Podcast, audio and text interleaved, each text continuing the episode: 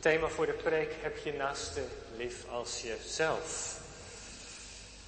We staan dan stil bij de betekenis van het zesde gebod. U zult niet doodslaan. Gemeente van de Jezus Christus, gasten, luisteraars. De 21ste eeuw is nog maar 15 jaar oud, maar de vorige eeuw behoorde tot de meest gruwelijke van heel de wereldgeschiedenis. De Eerste en de Tweede Wereldoorlogen eisten tientallen miljoenen mensen het leven. Het was de eeuw van de Holocaust. De vernietiging van meer dan 6 miljoen Joden. De eeuw van de atoombommen op Hiroshima en Nagasaki. De massamoorden van Stalin, Pol Pot, Mao Zedong, Rwanda. De bloedbaden van Srebrenica.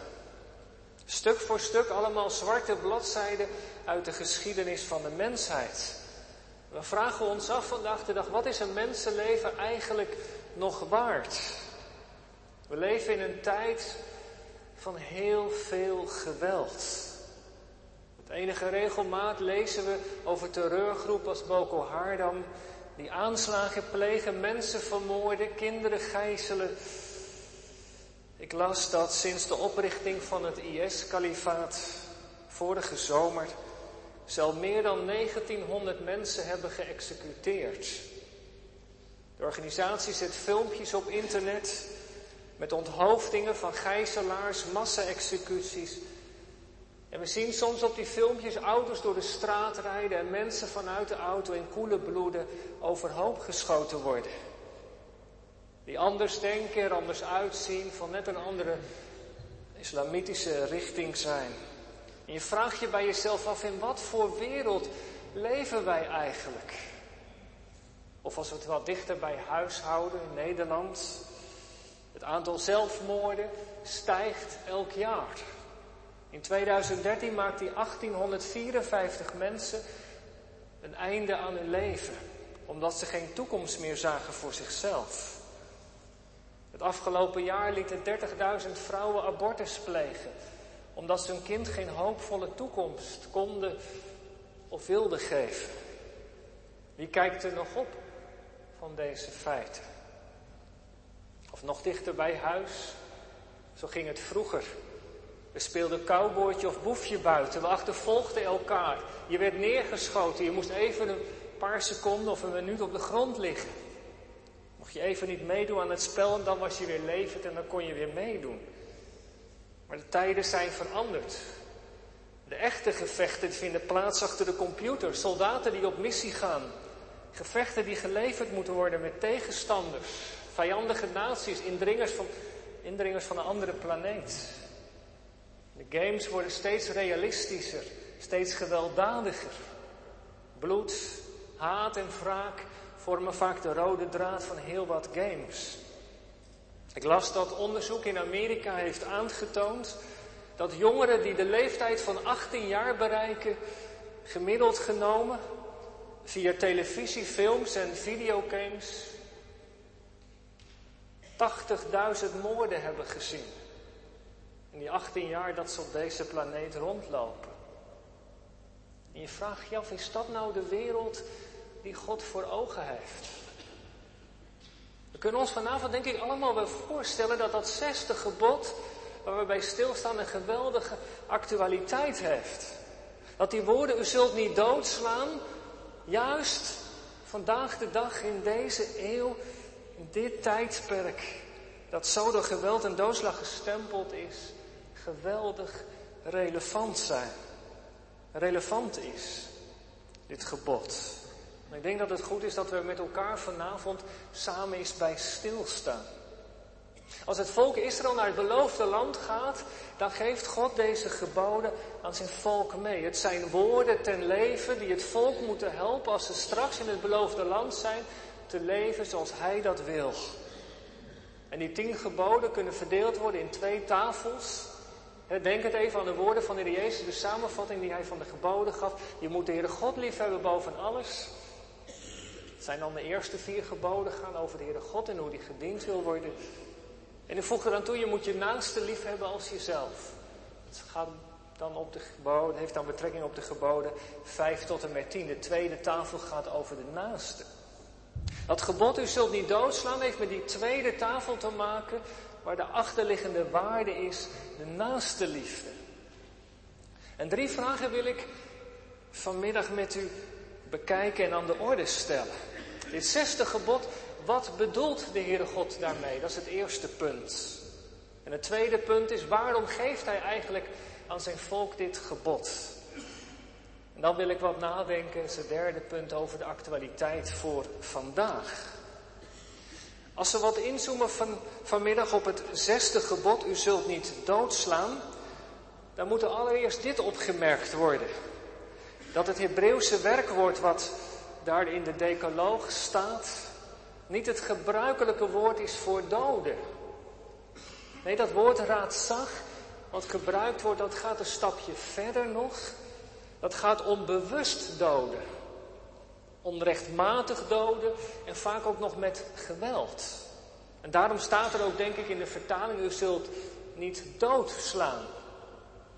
Sommige vertalingen zeggen, u zult niet doden, maar dat is te vlak. Het gaat echt om doodslaan met geweld als een bewuste daad. God verbiedt aan zijn volk dus dat. Dat het zijn naaste niet doodslaat. Dat iemand anders het leven van, van een broeder of zuster niet belaagt. Dat hij die ander niet om het leven brengt. Want die geboden worden gegeven aan Israël. Israël is een volk. Die anderen, ook van die andere stam, zijn broeders en zusters van hetzelfde volk. Daarom moeten ze elkaar, moeten zij elkaar lief hebben. En niet om het leven brengen. U zult niet doodslaan. En er waren op dit gebod, dat is ook goed om te merken, twee uitzonderingen. In sommige gevallen mocht de doodslag wel, doodstraf worden toegepast. Dat was bijvoorbeeld, dat lees je dan in Exodus 21 tot en met 23. Die hoofdstukken heten het verbondsboek, het bondsboek. Er staan allerlei bepalingen in als de uitwerking van die meer algemene tien geboden. Daar staat dan als iemand een ander zo slaat dat hij daardoor sterft. Dus je mag een ander wel slaan, maar je mag hem niet te hard slaan. Als je die ander zo slaat dat hij door die slag om het leven komt, dan mag zo iemand die dat gedaan heeft gedood worden. Dat is dan de straf voor het feit dat je een ander hebt gedood. Later kan zelfs iemand die een ander heeft gedood, als dat niet opzettelijk is, die kon naar de vrijstad gaan om te vluchten, om in ieder geval nog aan de straf te ontkomen. Maar in ieder geval, de doodstraf was een mogelijkheid als een ander het leven van onschuldige naaste beëindigde. En de tweede uitzondering was de situatie van oorlog. Als het volk was werd aangevallen door een vreemde natie, dan mocht het zich verdedigen. Met zelfverdediging moest je soms de ander doden. Nu roept dit gebod heel wat lastige vragen op. Zeker wat betreft het Oude Testament. En ik zeg u maar eerlijk, die vragen laat ik vanavond in ieder geval liggen. Als ik denk aan de boeken Jozua en Richteren, hè, daarin wordt heel flink wat gedood. Sommige verhalen die in Jozua staan, zouden het label 16 plus verdienen. En misschien dat we daar in het thema plusdienst maar eens een keer wat uitgebreider bij moeten stilstaan. Of misschien is dat wel eerder gebeurd, dat weet ik niet. Maar het gaat me vanavond meer om die algemene strekking van dat gebod. U zult niet doodslaan. En wat zit daar dan eigenlijk achter? Twee uitzonderingen dus kon de doodstraf gegeven worden en een situatie van oorlog. Maar er moet nog iets aan toegevoegd worden. En dat hebben we in Deuteronomium gelezen. Wat nu als er iemand gedood werd waarvan men niet wist wie het had gedaan? Stel nou dat er een moord gepleegd is. Hoe moet je dan handelen? Nou, als er een moord gepleegd is, dan valt, zegt de schrijver van Deuteronomie, dan valt er bloed op de grond. En bloed, dat ontwijdt het land. Elke keer als er onschuldig bloed op de aarde valt, zegt de schrijver, dan moet er verzoening gedaan worden. voor dat leven dat is vergoten. Zo start Deuteronomium 21. Men vindt een man vermoord op de grond. Wie het gedaan heeft, weet niemand. Onopgeloste misdrijven zijn er altijd al geweest, ook in Israël. Maar de bepaling zegt dat ze moeten gaan naar de, dat ze bij de oudste van de dichtstbijzijnde stad moeten zijn. Die, hoewel ze er niks mee te maken hebben, worden ter verantwoording geroepen, zo hebben we gelezen. En ze moeten een jonge koe nemen en hem doden. En boven dit offer moeten zij dan hun handen wassen en een onschuld verklaren dat die moord is niet door toedoen van ons gepleegd. Maar de schrijver voegt er nog iets aan toe. En, en dat geeft iets aan van, van het belang van de waarde die achter dit gebod zit. Ze moeten niet alleen hun onschuld verklaren, maar er moet ook een offer worden gebracht. De Heere God neemt de dood van iemand serieus. Hij kan het niet verdragen dat onschuldig bloed zomaar op de aarde valt. Het roept tot hem van de aardbodem. De orde is verstoord. Het leven dat hij aan iemand had toevertrouwd is diegene ontnomen. En nu moet er een offer plaatsvinden ter verzoening. Een dier wordt gedood. En dan bidden de oudsten van de naburige stad. Heere God, doe verzoening over uw volk. Leg geen onschuldig bloed in het midden van uw volk. Neem de bloedschuld weg. Opvallend dus dat voor elke dood die gepleegd werd, elke moord die gepleegd werd, de God om verzoening wordt gevraagd. Want als iemand op jouw grondgebied wordt gedood, dan kun je wel zeggen dat je niets mee te maken hebt, maar je wordt er toch op aangesproken, volgens Deuteronomium. En weet u wat daarachter zit? Er zit een heel diep besef achter. Dat er bloed heeft gevloeid. Dat het leven van een kostbaar mensenkind dat door God is geschapen zomaar leeg is gebloed. Zomaar om het leven is gekomen.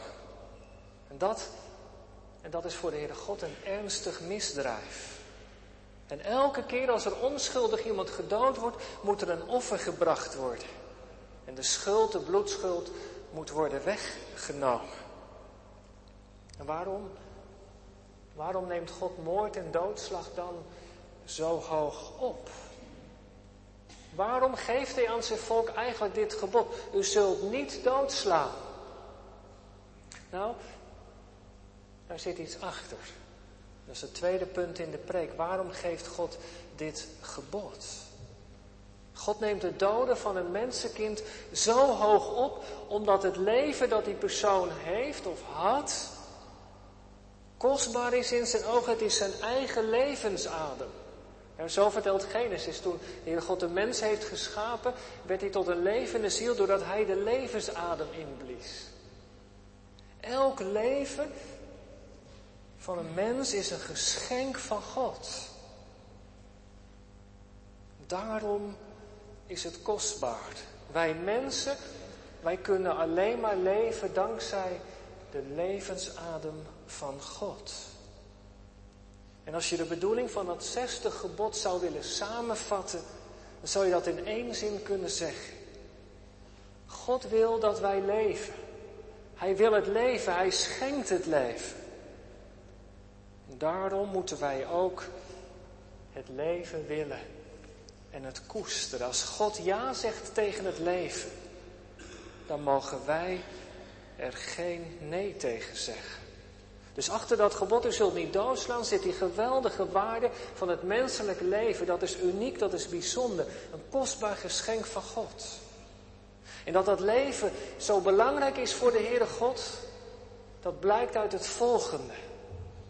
Omdat het drie keer van Hem is. God houdt wel drie keer, om zo te zeggen, van het leven. Hij is op het leven betrokken als de schepper, de vader, de verlosser, de zoon en als de herschepper, de heilige geest. Ik zal dat uitleggen. God is de schepper. Hij heeft de mens, de wereld heeft hij geschapen. Had hij ook niet kunnen doen. Hij was er niet toe verplicht. Hij heeft ervoor gekozen uit vrije wil om het leven dat hij had met iemand anders te delen, die hij naar zijn beeld geschapen had.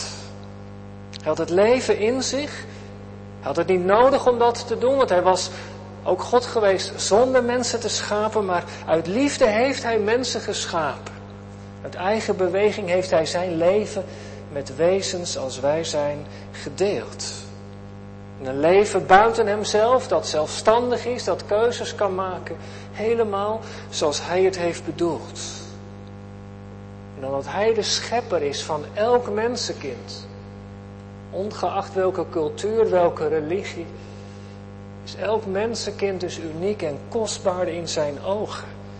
En omdat Hij ons mensen heeft gewild en ja gezegd heeft tegen het leven, moeten wij dus ook er ja tegen zeggen en het koesteren. En het tweede, God zegt nog steeds ja tegen deze wereld. Deze wereld die van hem is afgevallen. En als gevolg daarvan zoveel haat en, en moord en doodslag. Als gevolg daarvan de zonde de wereld intreden heeft gedaan. God zegt nog steeds ja tegen deze wereld. Hij wil niet dat wij verloren gaan. Het leven dat Hij aan ons gaf, dat was gebroken, dat lag onder de macht van de dood, maar Hij is gekomen om dat te bevrijden. Hij wil dat het weer vrij wordt, dat wij mensen weer worden zoals Hij ons heeft bedoeld. Daarom is het kerst geworden, hebben we dat gevierd. Als eerste stap in het handelen van God tot en met Goede Vrijdag, Pasen, Pinksteren en verder. Al zo lief heeft God de wereld gehad. En de wereld, dat is hier de gevallen wereld met, met alles wat daarin mis is. Zo lief dat hij zijn enige geboren zoon gaf, opdat een ieder die hem gelooft niet verloren gaat. Dat is de passie van de Heere God. Hij heeft het leven lief en dat blijkt omdat hij zijn eigen zoon heeft laten komen. En zo zou je kunnen zeggen dat al die feesten, kerst, Goede Vrijdag, Pasen, Pinkster, dat zijn allemaal bewijzen van God. Elke keer weer als wij dat feest vieren, dat God ja zegt tegen deze wereld, ja zegt tegen het leven. En als de Heer Jezus hangt aan het kruis, als Hij verzoening doet voor de zonde van ons en deze wereld, dan blijkt dat wel op zijn liefst. Hoe vast God aan het zijn ja-woord vasthoudt. Tegen elke prijs blijft hij ja zeggen tegen ons leven. Tegen deze wereld.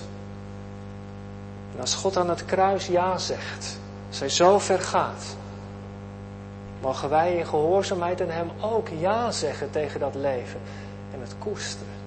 En als derde, God is verder gegaan, het is Pinkster geworden leven dat getekend is door de zonde, door de gebrokenheid. De geest is gekomen om het te dragen en het te vernieuwen.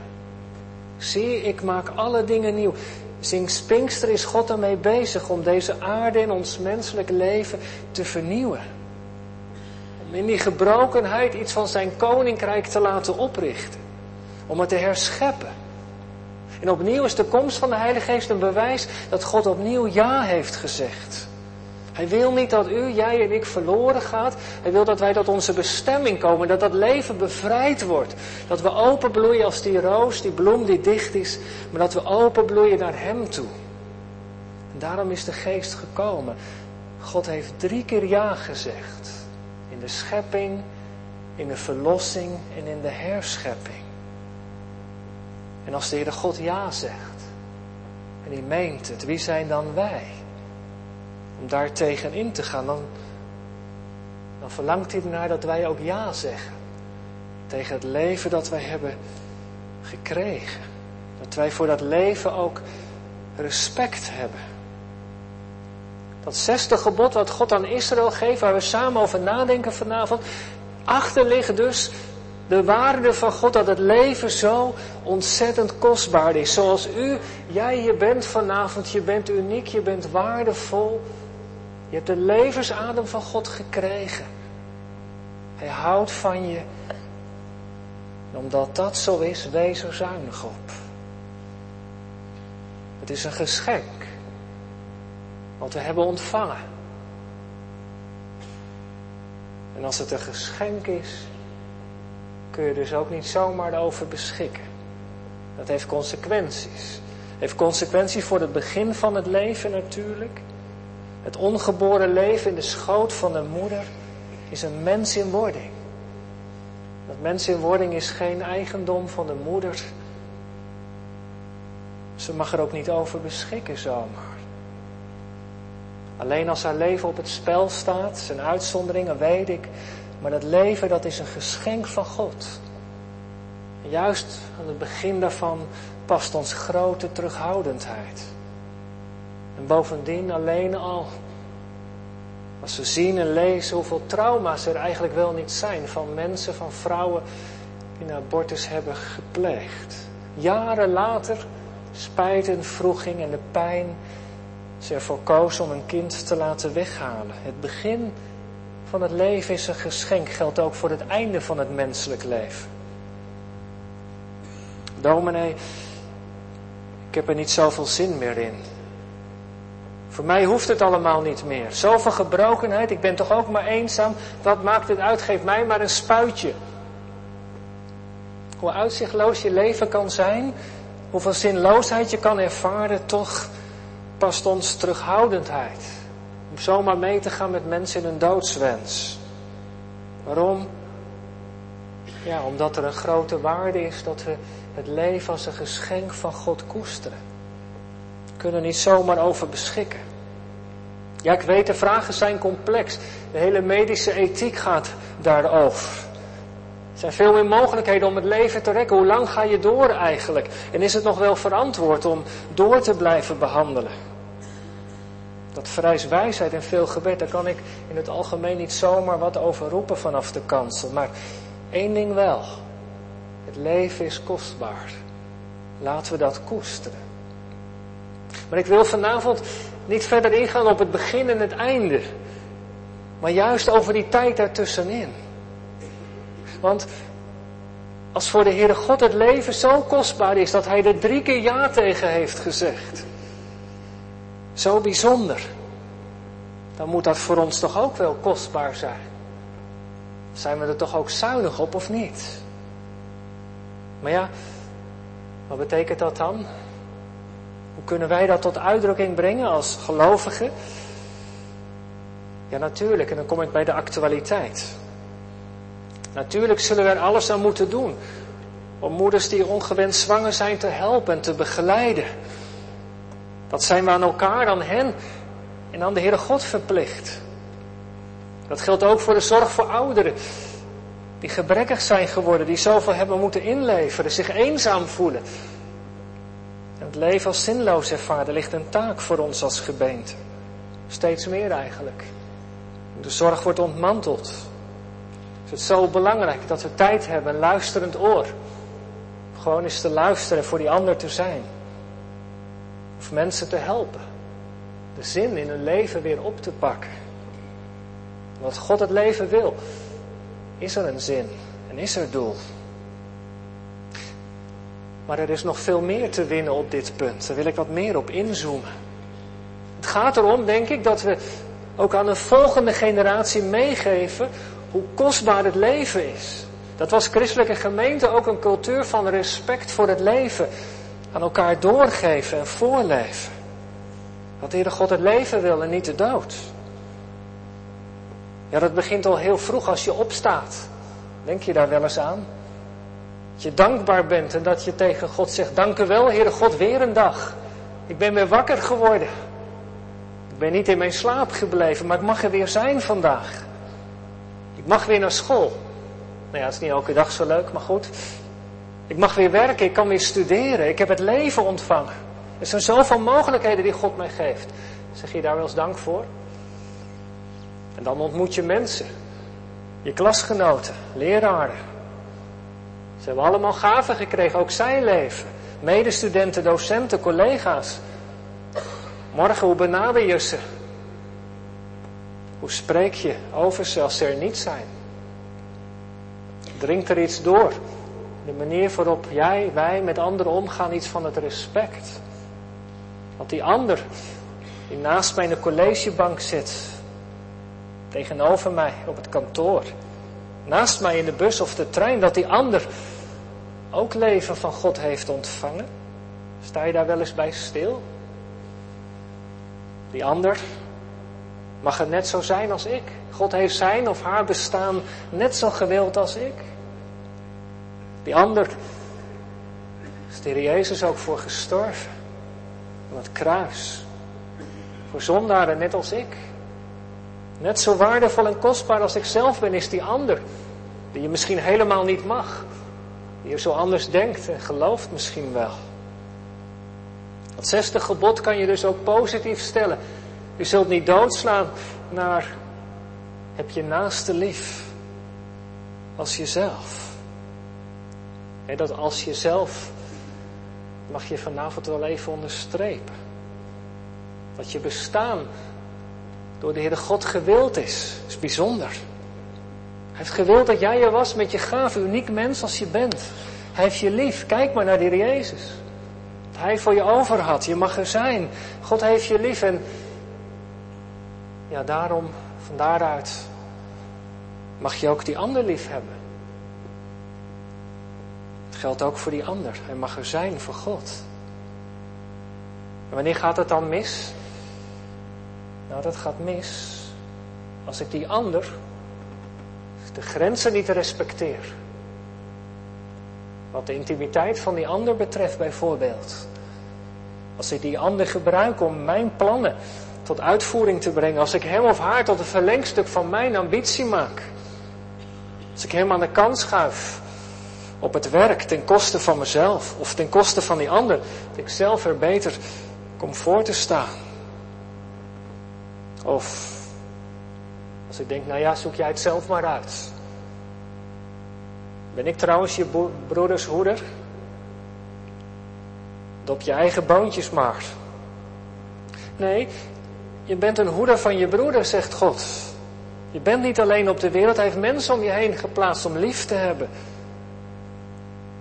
Hij wil dat je zelf een naaste voor hen bent. Respect voor het leven blijkt ook te zuinig zijn op ons eigen lichaam. Dat je dat niet in gevaar brengt door overmatig alcoholgebruik, door roekeloos rijgedrag. Of wat zet jij op sociale media eigenlijk op Facebook over een vriend of vriendin? Doet dat die ander recht? Drukt dat respect uit, eerbied voor het leven van die ander? Zullen we daar met elkaar niet eens het gesprek over gaan in de kring van de gemeente of binnen ons gezin? Onze eigen kinderen misschien wel. Sommigen van hen brengen uren achter de computer door. Ik hoef de spellen allemaal niet te noemen, maar je kent ze wel. Gewelddadige games soms. En als je de ontwikkeling van de games ziet, ze worden steeds geavanceerder. Of het nou Battlefield is, Call of Duty of LoL of, of Diablo. Misschien speel je wel heel wat uurtjes achter die PC. Tot je achttiende jaar, onderzoek in Amerika, 80.000 moorden gezien. Is nogal wat. Sommige games zijn zo gewelddadig. Je hebt heel wat virtuele vijanden misschien wel vermoord. Je schiet ze met het grootste gemak kapot. En soms spat het bloed zomaar in alle ronde. Zo realistisch. Maar heb je dan ook wel eens afgevraagd hoe dat zich verhoudt met dat geschenk van het leven? Als het leven voor God zo kostbaar is, hoe kun je dat dan combineren? Het leven van een mens is kostbaar. Kun je die twee werelden zomaar samen laten gaan? Een gemeente maakt dat eens bespreekbaar thuis. Weet u welke games uw zonen of dochteren spelen? Neem er kennis van, zou ik zeggen. Heb er een gesprek over. Is niet eenvoudig, dat weet ik. Is lastig. Die games zijn zo verslavend. Ik realiseerde me dat onlangs. Ik ben zelf geen gamer. Ik heb andere passies. Maar ik zal er wel een voorbeeld van noemen hoe dat werkt. Het is zo lastig als iets je geraakt heeft, getriggerd, je gaat verder en je wordt beter. En om daar dan ook van een afstandje naar te kijken en te zeggen van nou, is het wel zo goed als ik dit doe? Onlangs nog had de EO een documentaire, misschien hebt u hem wel gezien, Hemelbestormers. Over die beklimming van die hoge berg in de Himalaya. We zaten er thuis naar te kijken. Mijn kinderen vonden het niet zo spannend, maar, maar ik zat op het puntje van mijn stoel. Want ik had als jochie alle boeken van de bibliotheek in mijn geboorteplaats gelezen op het gebied van bergbeklimmingen. Of het nou de Mount Everest was, de K2 of de Annapurna. Ik had al die boeken gelezen over die toppogingen. Over die basiskampen en die andere kampen. De routes die ze namen over de berg. De uitdagingen, de dilemma's, de gevaren. Of de lawines die zomaar een, een kamp kunnen wegblazen. In die documentaire zag ik dat allemaal weer voor ogen. Veel werd er niet, niet alles werd in, zo'n documentaire aan de orde gesteld, maar ik vulde dat vanuit mijn eigen verbeelding aan. Van wat ik had gelezen. Prachtig, fascinerend. Ik zou zo mee willen gaan. Maar ja, dan, dan is dat voorbij en dan denk je even bij jezelf. Ja, als ik nou eerlijk ben, is dat wel verenigbaar? Vanavond zou ik preken over dat zesde gebod. Is het wel verenigbaar als voor de Heer God het leven zo belangrijk is? Mag je dat dan zomaar in de waagschaal stellen? Als ik eerlijk ben, moet ik toegeven dat het niet goed is om dat te doen. Veel bekende beklimmers, waar ik boeken van heb gelezen, inmiddels leven ze niet meer, want ze zijn bij een beklimming om het leven gekomen. Dus die twee dingen, die, die extreme sporten, hoe is dat verenigbaar met het diepe respect voor het leven? Ik vind het fascinerend. Ik, ik ga er helemaal in op. En toch, als je een afstandje kijkt, denk je bij jezelf, maar ja, ik herken de zuigkracht. Maar ik weet van het woord. Het leven, dat is voor de Heere God kostbaar. Zo gaat het met games denk ik ook zo. Je wordt erin meegezogen. Maar komt er nog een moment dat je eens even stilstaat en zegt van, hé, hey, hoe kan ik dit een met het ander verenigen? Zullen we het daar met elkaar eens over hebben? Ik kan nog veel meer noemen. Maar laten we dat eens bespreekbaar maken. Gewoon. Zonder veroordeling. Thuis. De club of categorisatie. Aan de ene kant dat het leven voor de God zo kostbaar is dat hij er drie keer ja tegen heeft gezegd. En dan dat andere. Waar je zo door meegenomen kunt worden. Laten we het daar met elkaar over hebben. Want ons leven is kostbaar. De Jezus zegt het ook. Je hebt een ziel te verliezen voor de eeuwigheid. Besef het hoe kostbaar je bent. De keuzes die je vandaag maakt hebben invloed. De dag van morgen. Daar eindig ik mee. Ons leven is kostbaar. Laten we er zuinig op zijn. En Johannes spreekt erover in zijn eerste brief in het derde hoofdstuk. Laten wij niet alleen met onze gedachten of woorden, laten dat ook met onze daden naar elkaar toe blijken, zegt Johannes. Dit is de boodschap die jullie hebben gehoord. Er is er één. Die heeft laten zien hoe kostbaar het leven is en dat is de Heer Jezus. Laten wij, hieraan kennen wij de liefde. Dat Hij voor ons zijn leven heeft gegeven. Laten we dat voor ogen houden. En het leven koesteren. Laten we dat voor ogen houden als we mensen op ons pad krijgen die ons helemaal niet liggen. Want dat is de boodschap van het zesde gebod. Laten wij onze broeder of zuster lief hebben.